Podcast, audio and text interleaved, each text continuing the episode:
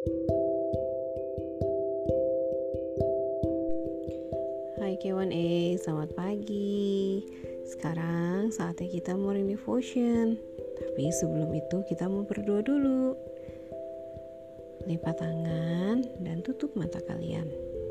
Tuhan Yesus, terima kasih untuk hari ini. Sebentar kami mau mendengarkan firman. Berkati kami Tuhan. Amin.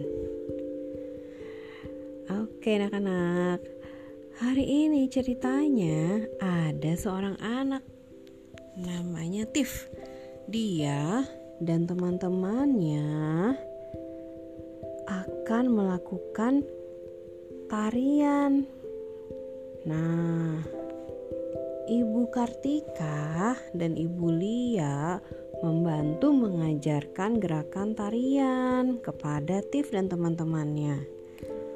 Dan Ibu Kartika juga mengirimkan video supaya mereka bisa berlatih di rumah. Nah, selama dua minggu ini mereka giat berlatih. Tiff berlatih dengan rajin, ditemani mama dan papa juga yang mendampingi dan membantunya.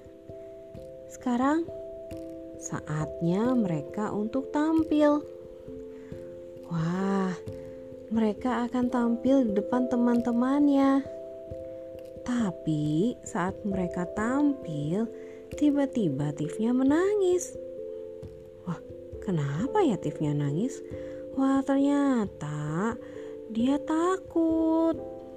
Dia takut kalau nanti gerakannya salah. Dia takut nanti ada temannya yang mentertawakan dia. Wah, dia gugup. Nah, di antara kalian ada nggak yang pernah mengalami seperti Tiff? Misalnya, disuruh nyanyi nih. Aku nggak mau, aku malu. Wah, ada? Nah, ketakutan itu memang wajar. Tapi kita harus yakin bahwa seperti kisah Daud, kita harus percaya bahwa Tuhan Yesus itu selalu menyertai kita dan Tuhan Yesus memberikan kemampuan untuk kita. Jadi, kalau kita sudah mempersiapkan diri dengan baik, kita tidak perlu takut.